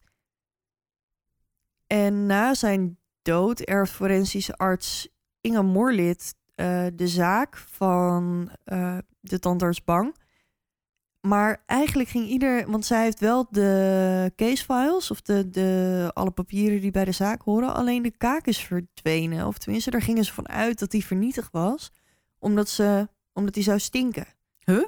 Waarnaar? Rot, denk ik. Omdat die... Huh? Ja, ik weet ook niet hoe dat zit. Maar het gerucht ging dat die zou stinken. Dus dat ze hem daar dus hebben weggegooid. Hoezo ga je forensisch bewijs weggooien? Ja, ik denk dat dit trouwens wel pas echt na een hele tijd gebeurd is. Ehm, Maar zijn die gegevens niet opgeschreven? Want kijk, dat dat ding er fysiek niet meer is, dat snap ik. Maar foto's... Ja, die zijn, die, zijn, die zijn wel bewaard gebleven. Dus we gingen er eigenlijk vanuit dat die kaak verdwenen was. Tot in 2017 eh, journalisten van het NRK, dat is het Noorse publieke omroep Mhm. gebeuren, die doen aanvraag om te kijken of die, of die kaak nog ergens is. En dan gaat Moreelt op zoek naar en die, vindt de, kaap, de kaak diep verstopt in de kelder van het Houkland Universiteitsziekenhuis. Huh? Ja, die is blijkbaar gewoon ergens in een doos, ergens helemaal achter in een kast beland. En iedereen ging ervan uit dat na de dood van tandarts Bang Die kaak. die kaak verdwenen was. Maar blijkbaar is hij er nog. Dus nu eh, kunnen ze met nieuwe technieken zien wie dat was. Nou ja, ze hebben dus eh, nieuwe forensische onderzoektechnieken. En ze doen verschillende tests, waaronder zuurstof-isotopenanalyse. En daarmee kan je aanwijzen wat voor water de vrouw dronk terwijl ze opgroeide en waar ze vandaan kwam. En dan hebben we dus nog dan- strontium-isotopenanalyse. Wat voor? Strontium, ja, ik heb het ook niet bedacht. eh, vertelt de onderzoekers wat voor soort voedsel de vrouw at en in wat voor soort grond dat eten groeide. Maar over langere tijd? Of Ja, dat zit zo verweven ja. in je lijf? dus ze kunnen. Dus als ik iedere dag aardappels uit Gelderland eet, dan Ja. zouden ze ja, en als je bijvoorbeeld van... in Limburg woont en je hebt heel hard water of Ja, heel zacht water, dan kunnen ze daaruit afleiden dat je uit Limburg komt. dat je uit Limburg komt of uit Gelderland. Of, Ja, precies. ja. Oh, dat is best wel cool. Ja, ehm, dus ja, dat kan je gewoon zien. En verder hebben we dan, nou, hebben ze monsters van haar eh, organen genomen en bewaard. Ze nemen monsters van haar longen, haar hart en haar eierstokken. en nou, in 1970 konden ze daar verder nog niet heel veel mee, want DNA Nee. was er dus nog niet, maar ze hebben ze wel altijd bewaard. Dat is op zich best handig. Ja, eh, en uiteindelijk wordt de doodsoorzaak vastgesteld op een combinatie van koolmonoxidevergiftiging en het innemen van een groot aantal slaappillen. En ze gaan ervan uit dat het zelfmoord is geweest. Er zijn alleen heel veel mensen die het hier niet mee eens zijn, want het is wel echt een rare plek op een rare manier. Maar hoe heeft ze zichzelf dan in de fik gekregen? Ja, daar zijn ze dus nooit achter gekomen. Wat raar. Ja. Ehm, nou, drie dagen onderzoek. Ondertussen zijn ze natuurlijk wel bezig en die autopsie Mhm. vindt natuurlijk tegelijkertijd plaats. Hebben ze eindelijk een aanwijzing. Eh, ze vinden twee koffers achtergelaten bij het station van Bergen. En in de voering van een van de koffers vinden ze 100 Duitse marken. En verder vinden ze kleding, schoenen, pruiken, make-up, eczeemcrème, 135 Noorse kronen, Belgische, Britse en Zwitserse munten, een kam en een borstel, theelepels, Huh? landkaarten, dienstregelingen, een bril zonder sterkte, een zonnebril en een notitieboekje. Oh, dat klinkt wel als iemand die spion is. Wie weet. En op de zonnebril vinden ze een vingerafdruk die overeenkomt met die van de dode vrouw. Dus we weten nu wel zeker dat de spullen uit de koffers Van haar zijn. van haar zijn. En net zoals bij de spullen die om haar heen gevonden werden, dus de sjaals, Mhm. de truien, alle labels zijn van alles verwijderd. Dus ook, ook, ook van de kleren in die koffer. ook van die kleren in die koffer. Oké, maar dat is in ieder geval een overeenkomst. Ja, dus we weten nu zeker dat de spullen uit de koffers in ieder geval van haar zijn.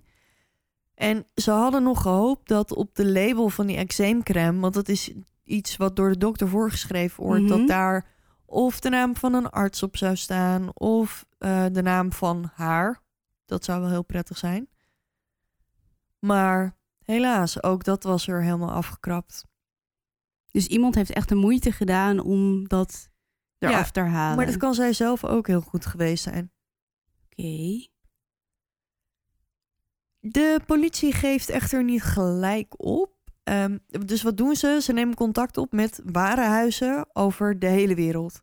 Zelfs met en in Noorwegen, maar ook in eh, daarbuiten. Dus ze nemen bijvoorbeeld contact op met Lafayette in Parijs. Ja. Om te vragen of de kleding die zij in dat koffertje hebben, of zij dat ooit verkocht hebben. En dat doen ze bij heel veel warenhuizen. Misschien Harrods hebben ze de VND nog wel De gecontacteerd. Bijenkorf. Ja, dat zou kunnen. Gewoon om te kijken of ze kunnen achterhalen waar die kleding vandaan komt. Zodat ze in ieder geval vast kunnen stellen waar die vrouw geweest is. En of, ze, daar precies. eventueel, of ze daar misschien vermiste personen hebben die aan haar gekoppeld kunnen worden.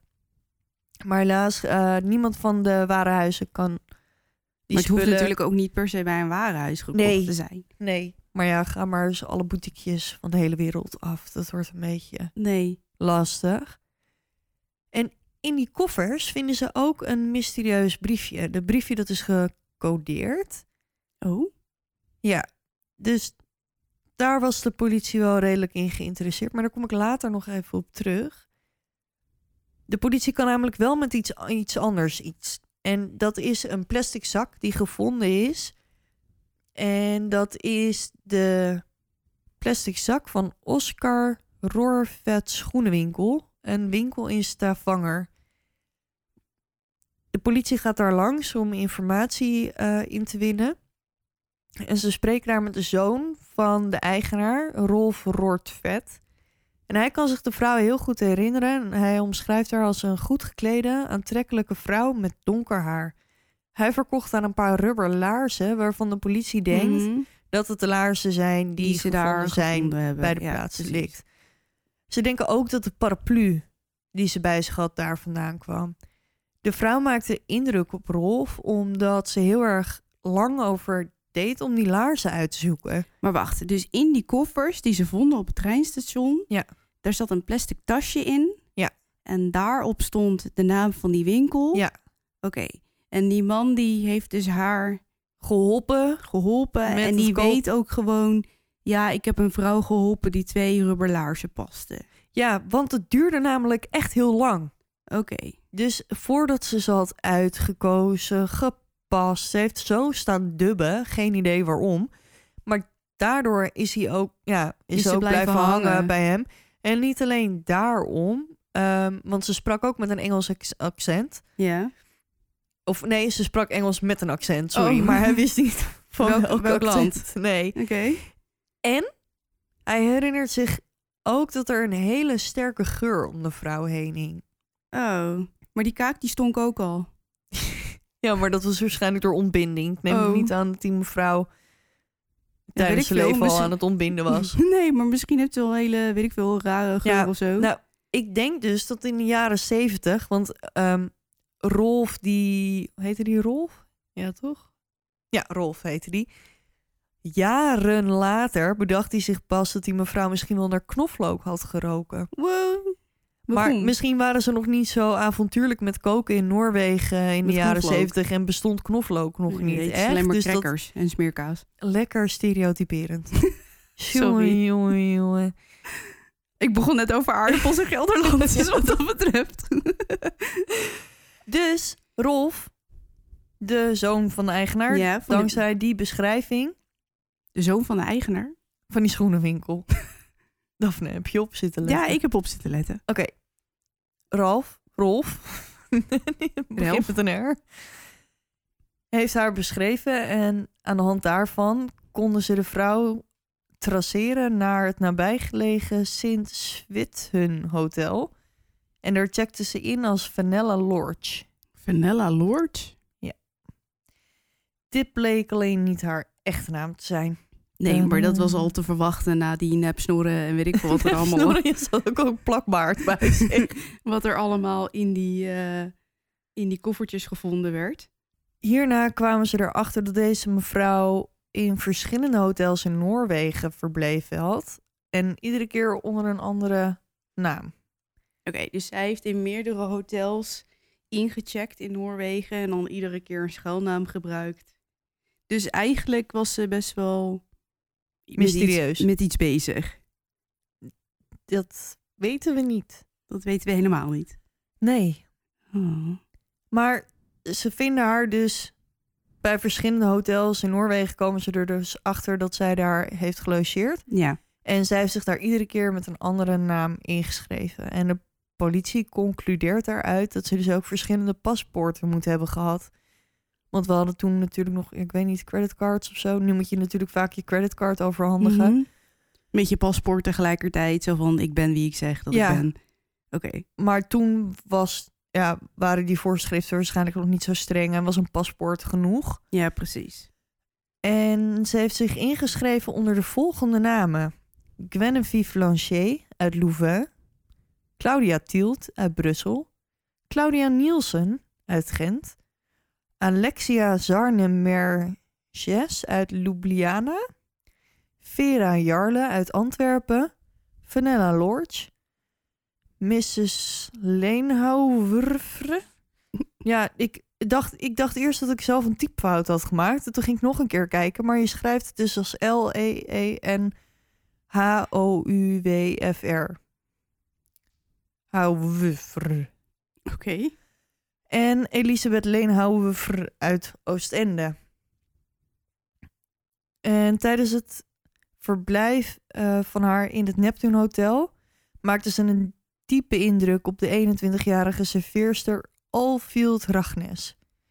En Al Alfield omschrijft haar ontmoeting, dus een quote. Mijn eerste indruk van haar was dat ze elegant en zelfverzekerd was. Ze was modieus. Ik wilde dat ik haar stijl na kon doen. Ik herinner me ook dat ze naar me knipoogde. Het voelde alsof ze in de gaten had dat ik iets te lang naar haar staarde. Ik herinner me een gelegenheid waarbij ik haar bediende in het restaurant. En naast haar zaten twee Duitse mariniers, waarvan één een officier was. Ze spraken niet met elkaar. De politie ondervraagt vervolgens het personeel van de hotels waar de vrouw verbleef. En ze ontdekken dat naast eh, dat de vrouw Engels sprak, ook af en toe Duitse zinnen gebruikte. Ze stond er ook onbekend dat ze vaak om een andere kamer vroeg. Oh, En één keer had ze ergens ingecheckt en toen vroeg ze drie keer om een nieuwe kamer. hè? Misschien deed de airco het niet. Eh, Wel apart dit allemaal. Ja. Dus nou, ja, gewoon drie keer in één hotel. Ja, dat is wel bizar. Dat, kijk, ik kan me voorstellen dat als je bad lekt of je doucht, dat Ja, dat dan je zegt, één hey, keer een ik... andere kamer wil, Ja, dan Ja. krijg je die meestal nog wel. Maar drie keer een andere kamer? ja, en het is ook gewoon niet bij dit ene hotel, maar bij bijna alle hotels. Het is een heel vaag verhaal. En een getuige in een hotel in Bergen verklaarde dat ze de vrouw Vlaams hoorde spreken. Oh, wauw. Dus dan spreekt ze al drie talen. Ja. Duits, Engels en Vlaams. En ehm, ander hotelpersoneel verklaarde dat de vrouw vertelde dat ze een reizende handelaar was. En aan andere mensen vertelde ze weer dat ze een antiekhandelaar was. Hè? Maar dit, is wel, dit slaat wel een beetje op hetzelfde telkens. Ik vind ook dat die namen wel gelijkenissen vertonen en zo. Ja, ik denk ook, je moet ook wel een beetje bij jezelf blijven, denk ik. Wil je al die verhalen. Ja, precies. Dus misschien heeft ze wel een zus die Genevieve heet en eentje die Claudia heet. Ja, Zodat je wel een soort van herinnering hebt aan hoe je ook weer heet. Want als Ja, ik ja. mezelf in één keer... Ik zou misschien, mezelf misschien wel Daphne noemen. Maar geen Stephanie, want ik heb helemaal geen link met een Stephanie. Nee, precies. Dan gaan we even terug naar het mysterieuze briefje. Dat gecodeerde briefje dat we in de koffer oh ja, dat lag in de koffer, ja. In de eerste instantie eh, denken ze dat de vrouw notities maakt van militaire tests met een nieuwe raket in West-Noorwegen. Wow, hoe komen ze daarbij dan? Nou, het duurt even, maar uiteindelijk kraakt de politie de code.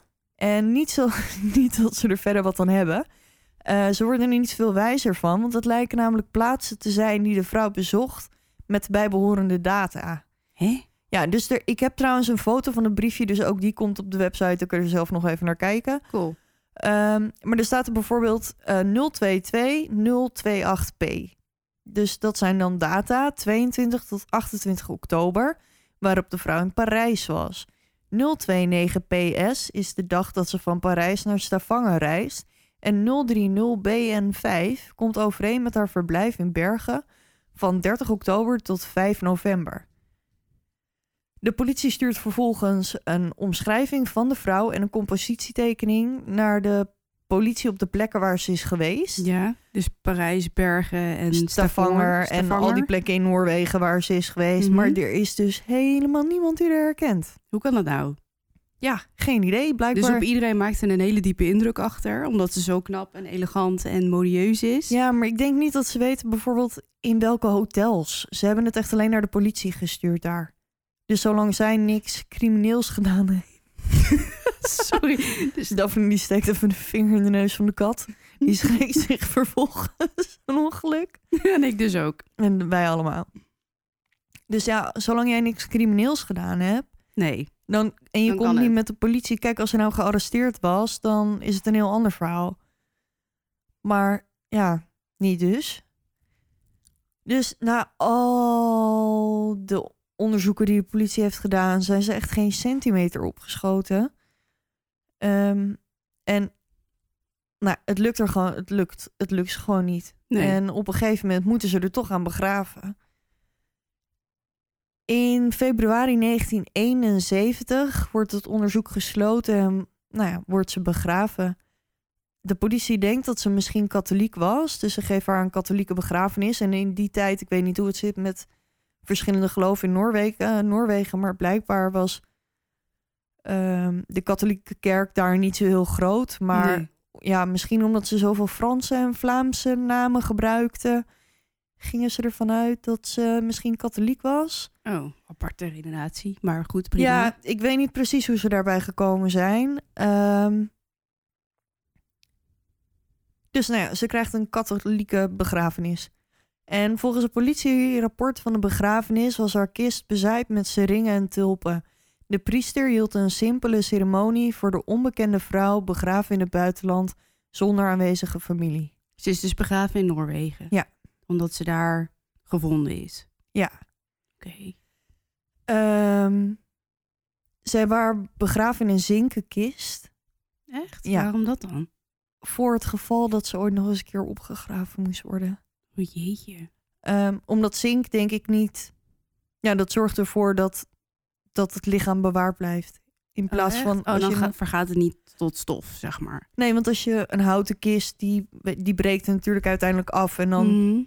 is het maar de vraag hoeveel ervan overblijft. Ja. En ze hebben al die tijd gehoopt dat ze Gevo- ja, ooit ontdekt. familie zouden vinden. Ja, zodat precies. ze ja, toch nog een soort van intact bij de familie afgeleverd kon worden, eventueel. Of ja, ze hebben ook allemaal foto's gemaakt tijdens de dienst. En dat zit allemaal in een fotoalbum voor als de de, familie. nabestaanden. Ja, als er ooit nabestaanden tevoorschijn komen. Nou, je had het er net al even over.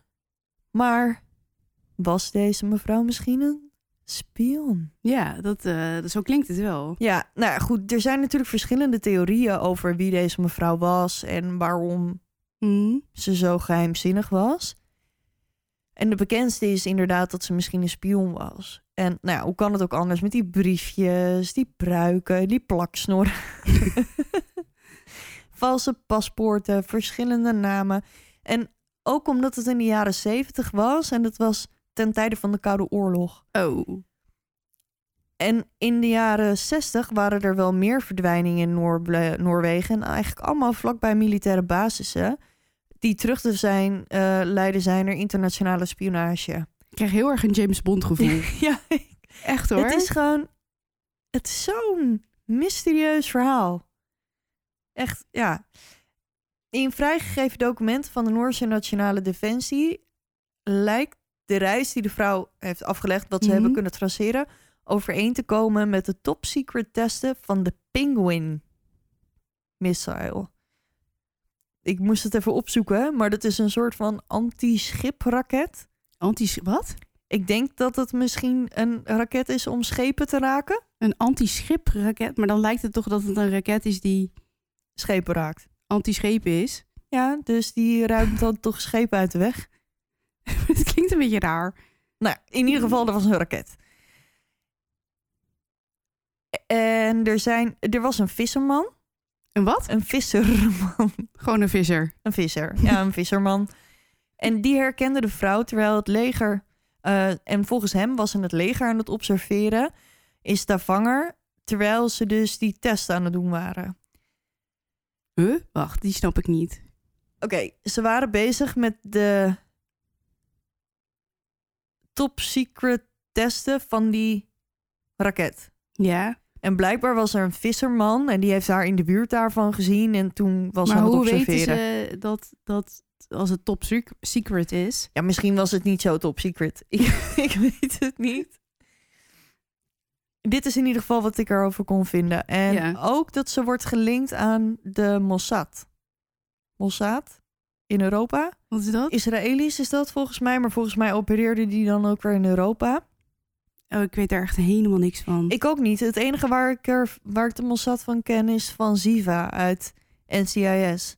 No, dat kijk ik niet eens. Oh, nou ja.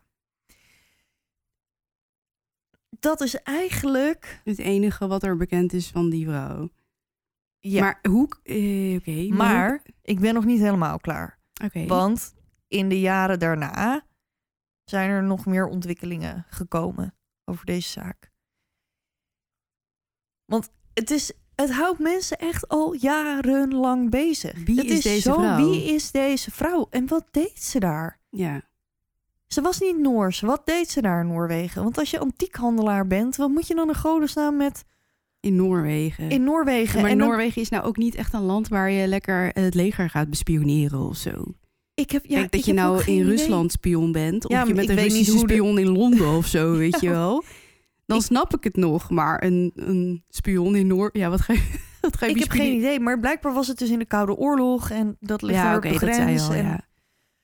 Dus er zijn wel redenen, maar ik kan me, als je antiekhandelaar bent en je wil, geen idee, je concurrenten voorblijven, dan kan ik me voorstellen dat je misschien één valse naam aanhoudt. Ja, precies. Dus dat je niet gewoon als eh Pietje, Pietje. Bel door het leven gaat, maar dat je er misschien Jantje Beton van maakt. Ja, ja, ja. Maar dan hoef je niet in ieder hotel waar je komt je naam te En veranderen. dan drie keer om een andere kamer vragen. Ja, dus dat is gewoon een beetje, beetje vreemd. Nou, dus mensen zijn hier al jarenlang. Het is een van de bekendste zaken in Noorwegen.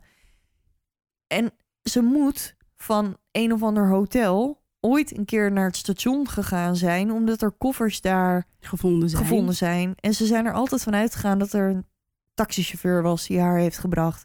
Die hebben ze dus nooit kunnen vinden. Tot ehm, 1991. En dan komt er in één keer een taxichauffeur tevoorschijn. 20 jaar later. Die anoniem wil blijven. Hm? En die komt bij de politie en die zegt dat hij de vrouw oppikte bij haar hotel en dat ze vergezeld werd door een man. Maar waarom kom je daar twintig jaar later mee en wil je anoniem blijven? Ik vind het een beetje een vaag verhaal. Ja, maar dan zou je dus ook bijna denken dat die man haar vermoord heeft. Ja, En hoe heeft die man haar dan vanaf het station in de, ik heb, de vallei gekregen waar ze dan dood is? ik heb geen idee. Maar in 2005 komt er in één keer een man. Die was toen het gebeurde 26. En hij vertelt in één keer dat hij die vrouw tegenkwam. Vijf dagen voor ze gevonden werd. Terwijl, hij, weet ik wel, hij was aan het hiken in Vlooien. En ze viel hem op omdat ze meer gekleed was voor de stad dan nou ja, voor een Mhm. wandeling door de buitenlucht. En achter haar liepen twee mannen in jassen die er zuidelijk uitzagen, tussen aanhalingstekens. En het leek erop dat ze wat tegen hem wilden zeggen, maar zich op het laatste moment bedacht. Maar ze was toch ook al in dat restaurant gezien Ja, met, met twee twee- mannen waarbij ze af en toe Duits sprak. Nee, dat was in een hotel. Die, ze is door, dat meisje, ja, ja, ja. door dat meisje in ja, dat... maar daar waren twee mannen bij. Ja, twee Duitse legermensen. Maar ze hebben ze dus nooit zien spreken. Ze hebben alleen maar naast elkaar gezeten daar. Maar nu liepen er dus blijkbaar twee mannen achter haar aan. Maar hij ging er nooit mee naar de politie. Oh nee, hij ging er mee naar de, iemand die die kende bij de politie. Ik weet niet precies wanneer. En die man had gezegd, nou, vergeet het maar. Want zo boeiend is het niet. Nee, maar ik zou ook me als politie voor kunnen stellen dat als iemand bij jou komt en die zegt: Hé, hey, luister, ik zag een vrouw in het bos die er niet helemaal uitzag alsof ze lekker aan het eh, zondagmiddag wandelen was. Met twee mannen achter haar aan en ze wilde misschien wat tegen me zeggen en ik vind het een beetje vreemd. Dan denkt de politie ook: Ja, Maar ik wat denk, kunnen dat we hij, daar nu nog mee doen dan? ik denk dat hij gereageerd heeft op die compositietekening. Oh, op die fiets. Ja, dat zou kunnen. Dus er is ook nooit een notitie, notitie gemaakt van hoe die man dan heette. Oh shit, hé. Dus niemand Weet nog wie weet dat is. wie dat is. Ja, dat is net een oubliet. Grapje. In 2016 wordt de zaak heropend en het NRK, dat Noorse publieke omroepsysteem, ehm, geeft de Amerikaanse kunstenaar Steven Missel de opdracht om nieuwe tekeningen van de vrouw te maken. Dus er zijn uiteindelijk zes verschillende eh, schetsen van haar gemaakt. En die zijn verspreid eh, weer. Dus die heb ik ook. Dus als je die wil zien, dan eh, Staan ze, staan op ze de op site? de, de site. Ja, daar ben ik wel naar benieuwd. Dus gewoon zes eh, eventuele varianten van hoe ze eruit gezien zou kunnen want hebben. in eerste, want dit is natuurlijk in 2016, dus nou, dan zijn we hoeveel jaar verder? 70, 80, 90, 2000, 40 jaar verder. nou ja, die tekeningen die zijn dus opnieuw gemaakt, maar er was nog steeds niemand die haar kende. En uiteindelijk in 2017 testten ze haar tanden opnieuw. Omdat die kaak weer terug was. Ja, want die heeft die NRK toen dus in eerste instantie hebben ze die isotopentesten gedaan. Mhm. En uiteindelijk doen ze dus andere testen. En daaruit blijkt dat de vrouw geboren is rond 1930 in of in de buurt van Nuremberg, Duitsland. En als kind verhuisde naar Frankrijk of ergens op de grens tussen Duitsland en Frankrijk. België dus. Zoiets. het, kan, het kan van alles zijn. Verdere analyse van het gebit wijst uit dat ze haar tanden heeft laten doen in, let op, echt, de wereld wordt in één keer een stuk kleiner.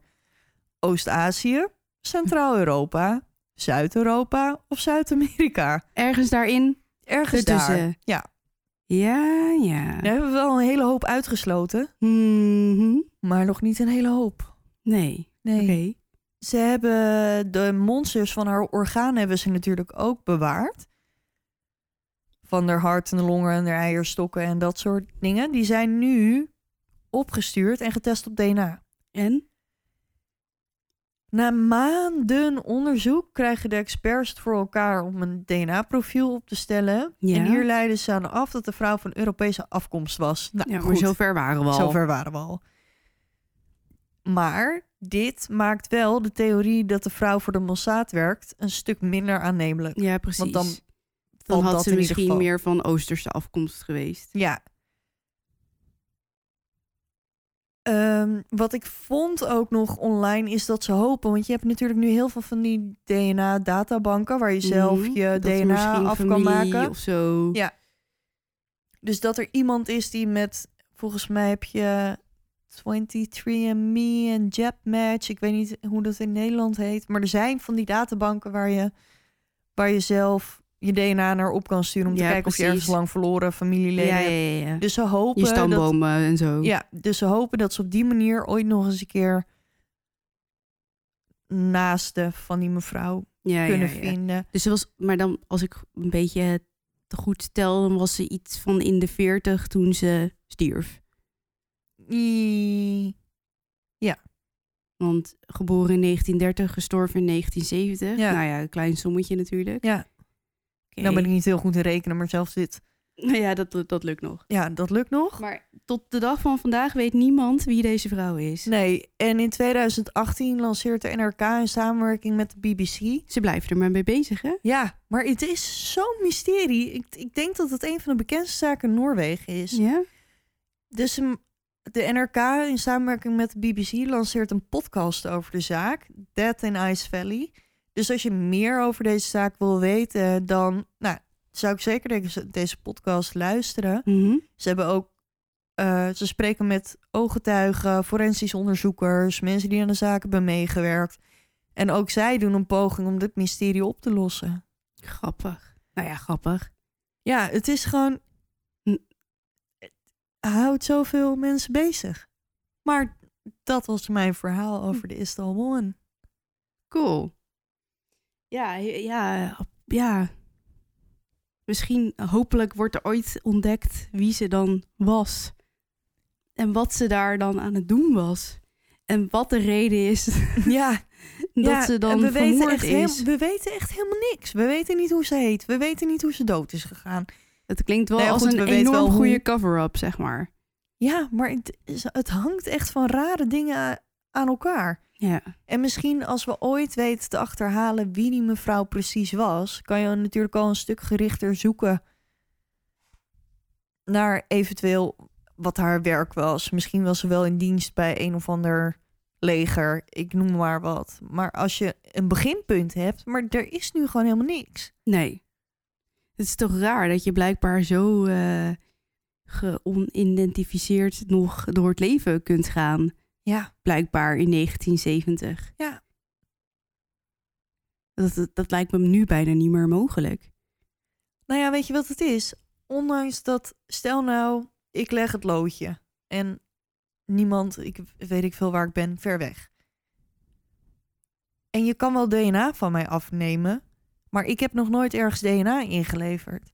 Dus als er niemand is die mij zoekt,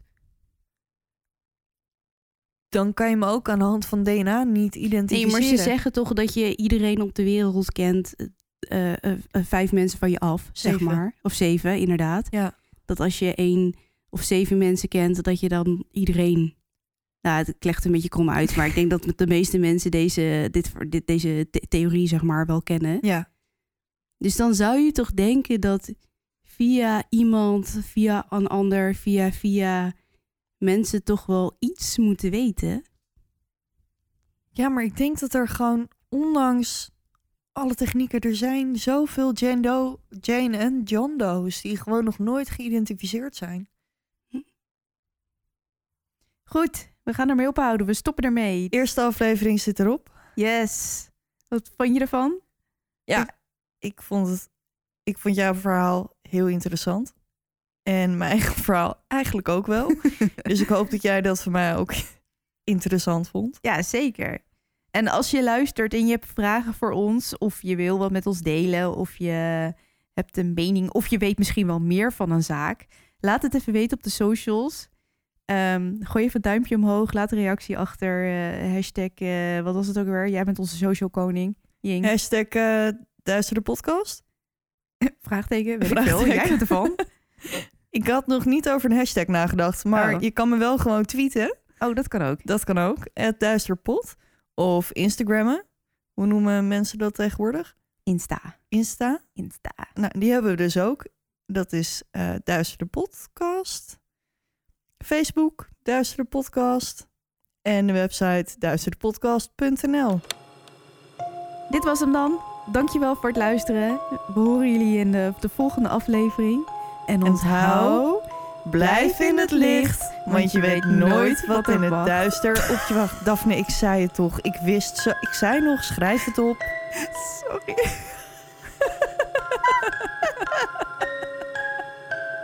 Oké, nog een keer, nog een keer. Blijf, Blijf in het licht, want je weet nooit wat er in het duister op je wacht. Heel goed. Hey, heb je morgen nog ideeën of niet? Sst man, Wat ga je doen dan? brunchen. Nice. Waar? Op het Galgenveld in Amsterdam.